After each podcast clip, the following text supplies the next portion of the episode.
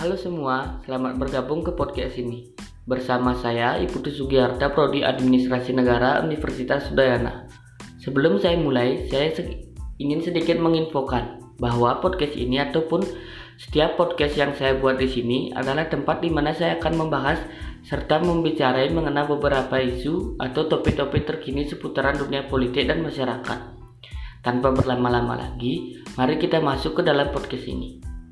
Bukan perkara belakangan ini, malah sudah dari jauh-jauh hari kita merasakan hal seperti di situasi seperti ini.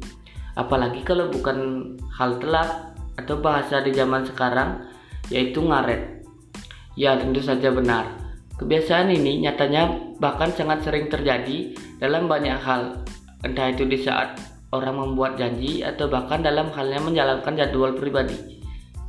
Sebelum kita masuk dan berbincang-bincang, mungkin ada baiknya kita mereview sedikit apa-apa saja sih hal yang sering menjadi sorotan media kepada banyaknya pejabat yang ada di negeri kita ini. Dan kasus-kasus seperti apa sih yang banyak masuk ke dalam berbagai media yang ada. Saking seringnya masuk dalam media, kita pun bahkan tahu dan mungkin sudah menjadi kalimat yang akan terus menempel di benak kita, yakni tindakan korupsi. Dari beberapa sumber dan sepemikiran saya, korupsi itu memberikan dampak yang negatif. Dan jika dipresentasikan, dampak negatif dari korupsi pun bisa dikatakan lebih besar atau sangatlah besar bila dibandingkan dengan efek yang positifnya. Dan karena hal yang seperti ini, Tindakan korupsi di Indonesia sangatlah kejam dan dianggap tidak berperi kemanusiaan. Namun bagaimana bila kita berbicara mengenai faktanya?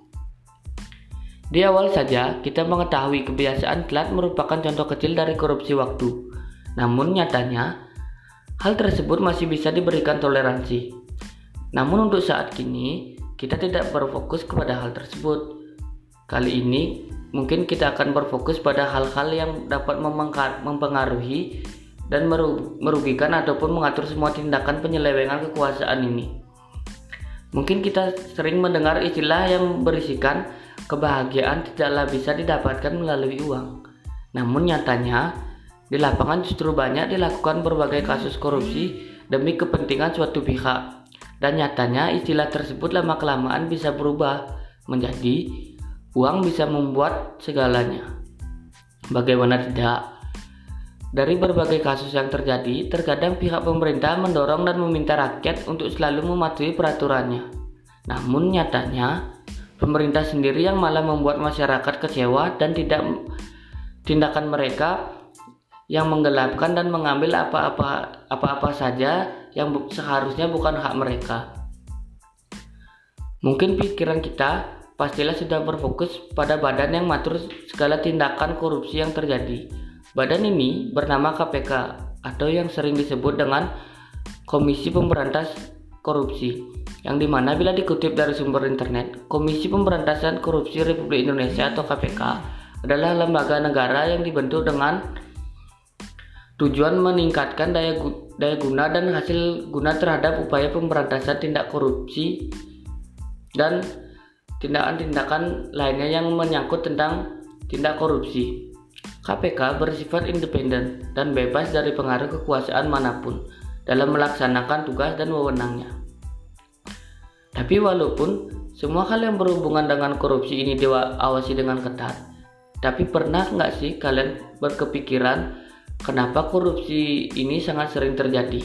Terlebih lagi dari survei dari beberapa sumber, tindakan korupsi dari perilaku yang tertangkap KPK menurut menurut dari kawan-kawan, apakah seberpengaruh itu antara uang hasil korupsi yang rela ditukar terhadap kepercayaan rakyat kepada pemerintah?